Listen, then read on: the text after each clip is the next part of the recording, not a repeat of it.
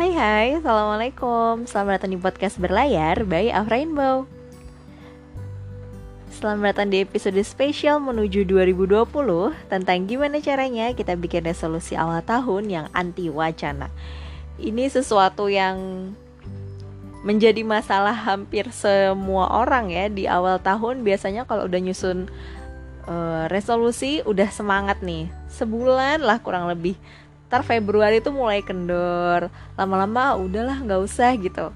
Dan ujungnya Desember nyesel ya kenapa ya yang ini gak dilakuin? Ih kenapa ya yang ini gak terlaksana? Padahal karena kita sendiri yang mengendorkan diri gitu. Nah di episode ini kita bakal bahas lebih detail lagi tentang gimana caranya kita bikin resolusi sebaik mungkin dengan uh, kesadaran penuh ya dari dari diri kita sendiri biar apa yang kita tulis, apa yang kita harapkan tuh bisa tercapai gitu.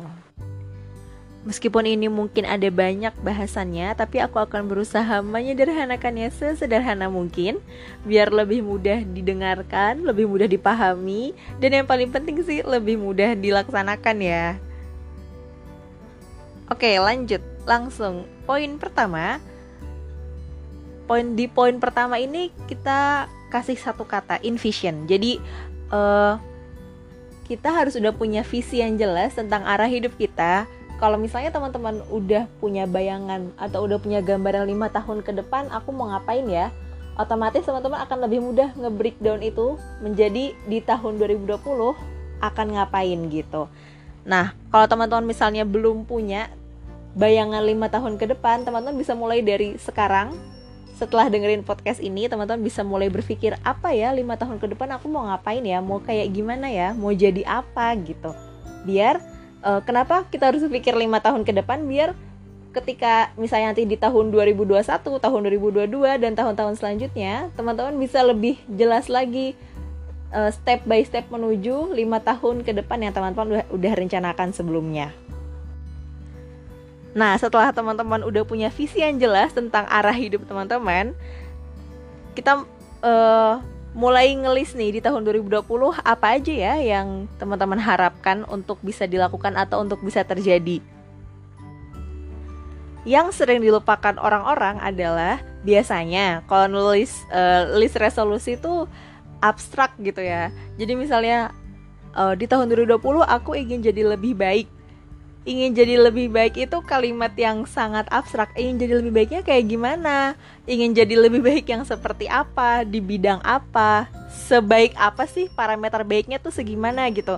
Nah, itu teman-teman harus breakdown lagi, harus spesifik harus dispesifikin. Jadi kalau dalam penyusunan list atau dalam penyusunan resolusi, dalam penyusunan plan ada uh, tips dan triknya gitu. Jadi kita pakai metode SMART atau SMART itu singkatan dari S-nya spesifik, M-nya measurable atau bisa uh, bisa diukur.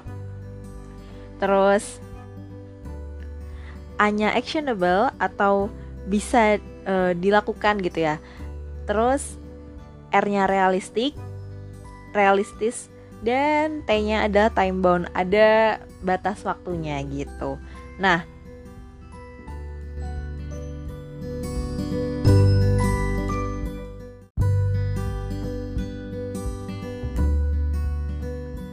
Kita ambil contoh yang tadi.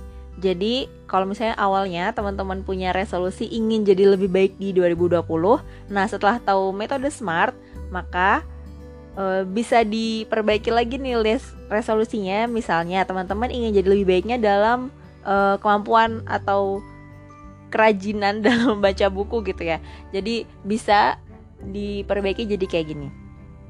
E, di tahun 2020, aku pengen atau aku ingin bisa baca buku minimal satu buku tiap bulannya dalam waktu setahun. Jadi setahun ada 12 buku yang udah dibaca gitu ya harusnya di akhir tahun depan.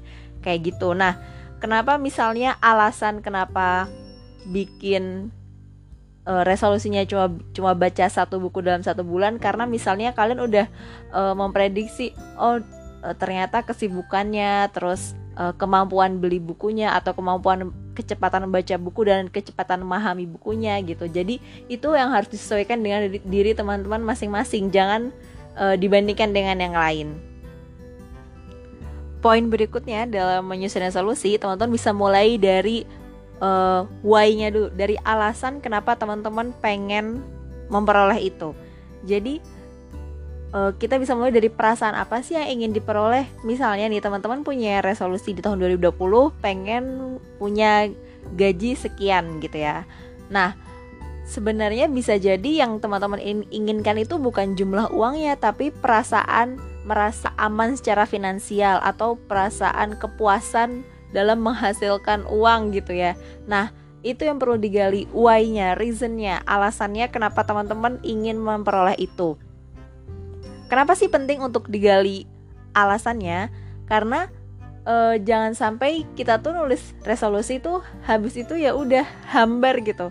Jangan sampai cuma di sekedar apa dan bagaimana, tapi kalian juga harus tahu alasannya. Kalau misalnya masih bingung ya, kalau misalnya bingung aduh kak bingung mulai dari alasannya tuh apa ya aku nggak kepikiran gitu oke teman-teman bisa mulai dari hmm, apa dulu resolusi apa yang ingin dicapai terus itu berarti uh, faktor what-nya ya. Nah terus uh, teman-teman di uh, breakdown lagi uh, gimana caranya mencapai itu gitu. Itu how-nya how-nya gimana cara mencapai resolusi itu. Terus digali lagi nih alasannya apa sih kenapa sih aku pengen kayak gitu gitu. Misalnya kayak tadi uh, aku pengen baca buku satu buku dalam satu bulan uh, caranya gimana caranya ya berarti harus nabung untuk beli buku terus nanti nyicil baca bukunya kapan aja di hari apa atau di jam berapa gitu terus alasannya alasannya kenapa ya aku pengen baca buku oh ternyata uh, aku tuh ternyata kurang da uh, dalam literasi baca buku gitu. Jadi alasannya aku ingin baca buku biar kemampuan membacanya, kemampuan kosakata, kemampuan menyerap informasi dalam bentuk tulisannya menjadi lebih baik. Misalnya kayak gitu.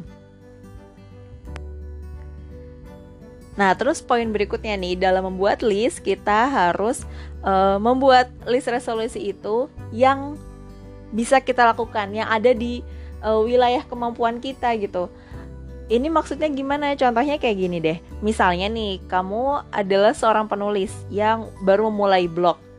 Misalnya kamu awalnya nulis resolusi itu bikin targetnya ada 100 ribu pengunjung di blog kamu dalam waktu satu tahun. Ini sekilas kelihatannya oke-oke aja, oke 100 ribu dalam setahun tuh masuk akal lah ya gitu. Tapi ada yang kurang, 100 ribu pengunjung dalam setahun itu bukan hal sesuatu hal yang bisa kita kendalikan gitu. Karena 100 ribu pengunjung itu kan berarti melibatkan banyak orang ya melibatkan 100 ribu orang untuk bisa datang ke blog kita gitu. Nah kalau misalnya itu kalau misalnya nanti di akhir tahun 100 ribu itu nggak tercapai angka itu nggak tercapai nanti ujung-ujungnya kayak makin banyak excuse makin banyak alasan. Oke okay, nggak apa-apa lah emang kayaknya tulisannya kurang bagus emang kayaknya orang-orang nggak suka gitu. Jadi akan ada banyak alasan-alasan yang mengcover ketidakberhasilan resolusi itu gitu. Nah akan beda kalau misalnya teman-teman yang tadi uh, awalnya punya resolusi ada 100 ribu pengunjung diubah menjadi kan tujuannya teman-teman nulis di blog itu untuk melatih menulisnya ya atau untuk publikasi tulisan teman-teman. Nah, berarti yang harus digali lagi dalam buat resolusinya adalah seberapa banyak tulisan yang bisa teman-teman hasilkan dalam satu bulan atau dalam satu minggu atau bahkan dalam satu hari gitu kalau teman-teman memang uh, fokus dan serius di bidang tulisan gitu. Jadi uh, misalnya yang tadi 100 ribu 100 ribu pengunjung itu diubah jadi uh, oke okay, aku akan mengupload tulisanku setiap hari ke blog gitu nah kalau kalau yang target kedua tadi yang menulis mengupload tulisan setiap hari itu akan lebih mudah dikontrolnya oleh diri kita sendiri. Kenapa? Ya karena kita sendiri yang nulis tulisannya, karena kita sendiri yang nguploadnya gitu. Jadi semuanya ada di dalam kendali kita. Nah, kalau misalnya ada suatu hari di mana kita nggak melaksanakan itu ya yang bisa disalahkan ya diri kita sendiri karena kita nggak melakukan apa yang sudah kita janjikan ke diri kita sendiri gitu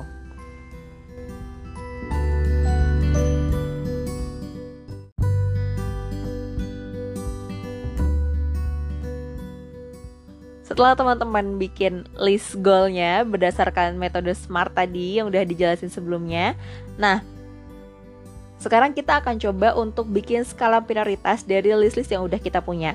Kenapa sih perlu dibuat skala prioritas lagi? Bukannya list tadi tuh udah yang aku aku inginkan ya kak? Kenapa harus dibikin? Kenapa harus dipilih lagi gitu? Nah alasannya karena Uh, jadi kita kalau udah punya skala skala prioritas kita jadi lebih fokus. Oke, okay, kita akan di tahun 2020 tuh highlightnya kita akan lebih fokus ke titik-titik yang ini ke uh, list nomor sekian gitu. Nah, kalau misalnya teman-teman masih bingung menentuin mana ya yang lebih prioritas, kayaknya kok semuanya tuh aku inginkan, kayaknya semuanya tuh penting buat aku, kayaknya semuanya tuh nggak ada deh yang di, bisa di nomor duain gitu ya misalnya. Nah, ada beberapa pertanyaan yang bisa membantu teman-teman untuk menentukan mana sih di antara daftar list itu yang ternyata lebih prioritas menurut teman-teman. Teman-teman coba tanyain ke diri sendiri ya pertanyaan-pertanyaan ini. Nah, pertanyaan pertama, eh, apa sih impact atau dampak dari resolusi yang teman-teman tulis? Yang eh, terus yang kedua, kalau misalnya teman-teman berhasil eh, mencapai resolusi itu, apa pengaruhnya ke teman-teman atau pengaruhnya ke lingkungan sekitar? Apakah ada ba ada banyak hal positif yang bisa diperoleh dengan teman-teman mencapai resolusi itu gitu? Nah terus yang ketiga di antara list dari di antara sekian list uh, resolusi yang udah teman-teman buat mana sih uh, resolusi yang kayaknya tuh paling mengerikan paling besar paling aduh kayaknya paling susah dicapainya nah gitu. Nah justru yang yang kayak gitu tuh yang harus teman-teman prioritaskan loh kok malah yang susah sih kak yang diprioritaskan? Bukannya tadi katanya harus yang sesuai dengan kemampuan kita ya gitu. Ya benar. Jadi jadi semakin mengerikan semakin mengintimidasi list resolusi yang udah kita buat tadi itu sebenarnya akan membuat peluang kita untuk lebih bertumbuh untuk lebih berkembang lebih banyak belajar lagi uh, gimana caranya untuk mencapai resolusi itu jadi resolusi yang terasa paling mengerikan, paling mengintimidasi itu sebenarnya adalah resolusi yang akan buat kita jadi lebih tumbuh, jadi lebih berkembang. Kok bisa? Ya karena dengan jauhnya jauhnya titik kita sekarang dengan titik yang akan kita capai di resolusi itu. Nah, jarak antar kita dengan resolusi itulah yang buat kita akan terus belajar gimana caranya kita bisa mencapai resolusi itu. Makanya itu sebenarnya adalah peluang kita untuk belajar banyak. Nah, ini yang bikin kita jadi terasa lebih berkembang, terasa lebih tumbuh gitu. Jadi kalau disederhanakan kayak rumusnya gitu ya. Jadi uh, resolusi yang paling punya dampak plus resolusi yang paling mengerikan dalam tanda kutip itu adalah yang paling membuat kita tumbuh, yang paling membuat kita berkembang di tahun depan.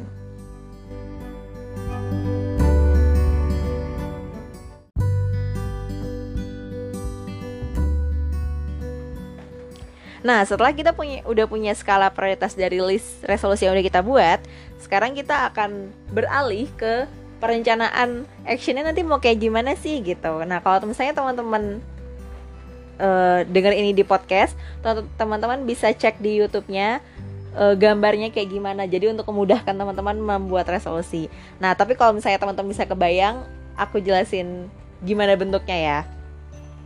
Jadi bentuknya segitiga terbalik. Nah yang paling atas teman-teman bisa tulis uh, main goalnya. Apa sih uh, resolusi utamanya. Terus nanti di garis kedua, teman-teman uh, dibuat uh, tujuan atau goals dalam 90 hari atau dalam tiga bulan. Kenapa sih harus dalam tiga bulan kak gitu misalnya ya ada yang nanya. Nah kalau misalnya cuma dibuat dalam satu bulan, biasanya belum mateng, belum penuh gitu tercapainya. Selanjutnya, di garis berikutnya kita bisa melis langkah-langkah apa sih yang bisa kita lakukan untuk mencapai uh, target 90 hari tadi. Terus di garis berikutnya di bawahnya lagi kita pilih dari langkah-langkah yang tadi bisa kita lakukan, kita pilih tiga langkah yang menurut teman-teman paling penting untuk uh, bisa mencapai target 90 hari. Dan garis terbawahnya adalah pilih satu langkah yang bisa teman-teman lakukan. Kayak gitu Nah ini bakal nyambung ke poin berikutnya yaitu action. Nah ini nih yang sering jadi PR Biasanya bikin resolusinya udah mateng, udah rapi, udah uh, Pokoknya udah mantep lah. Eh di actionnya baru sebulan udah ya gitu.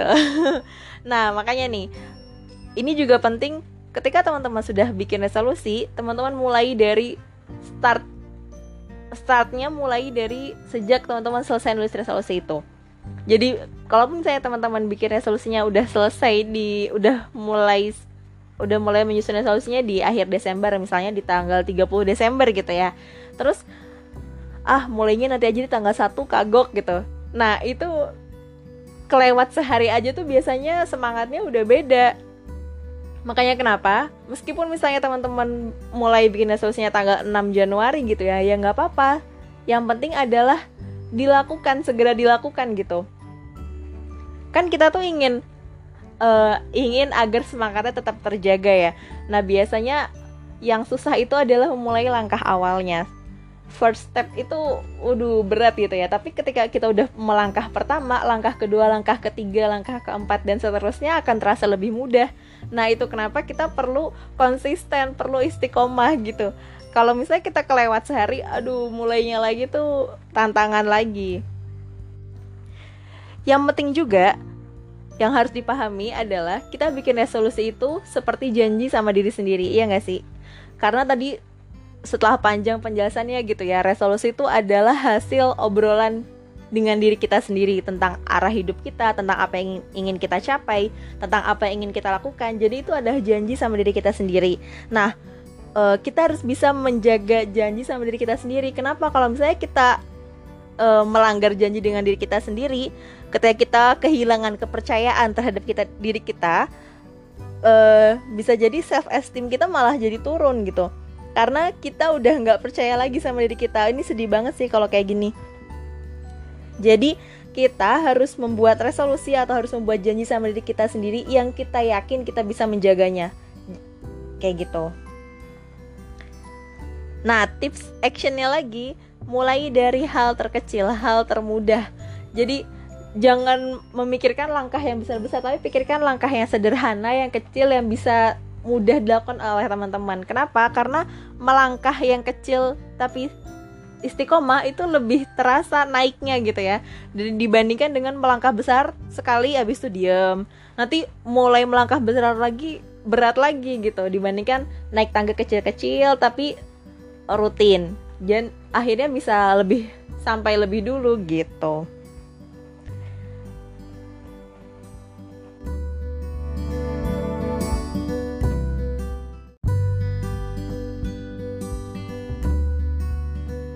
Nah, nyambung dari langkah-langkah kecil tadi, teman-teman bisa punya uh, daily action yang uh, teman-teman harus lakukan setiap harinya.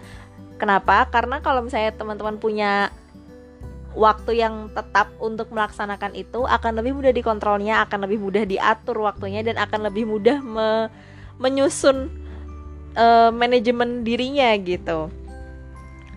Nah, selanjutnya nih, teman-teman juga bisa memanfaatkan aplikasi-aplikasi atau teman-teman bisa buat sendiri uh, checklist track recordsnya gitu ya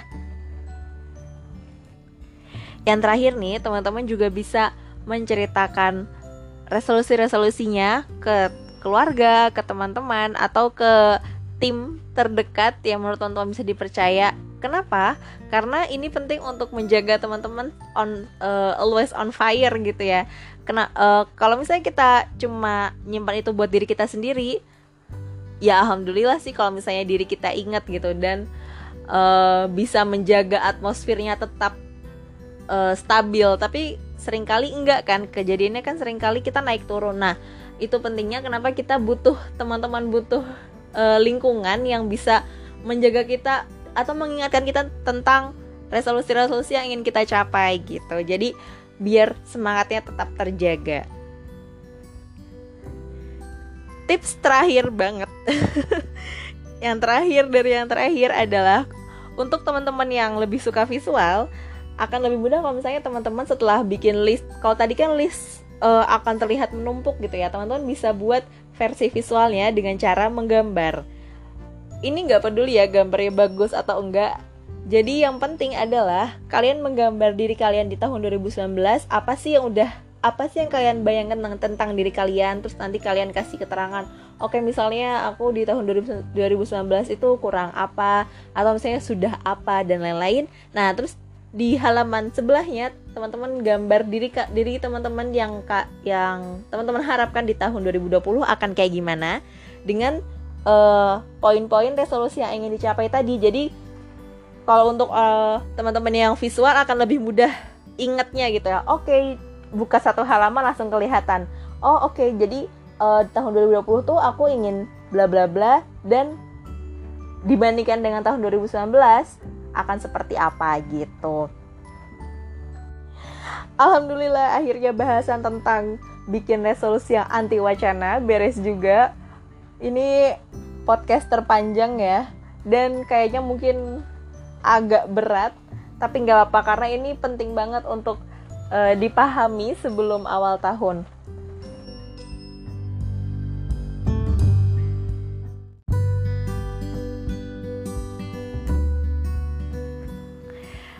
Semoga bermanfaat dan sampai jumpa di episode berikutnya. Dadah, assalamualaikum.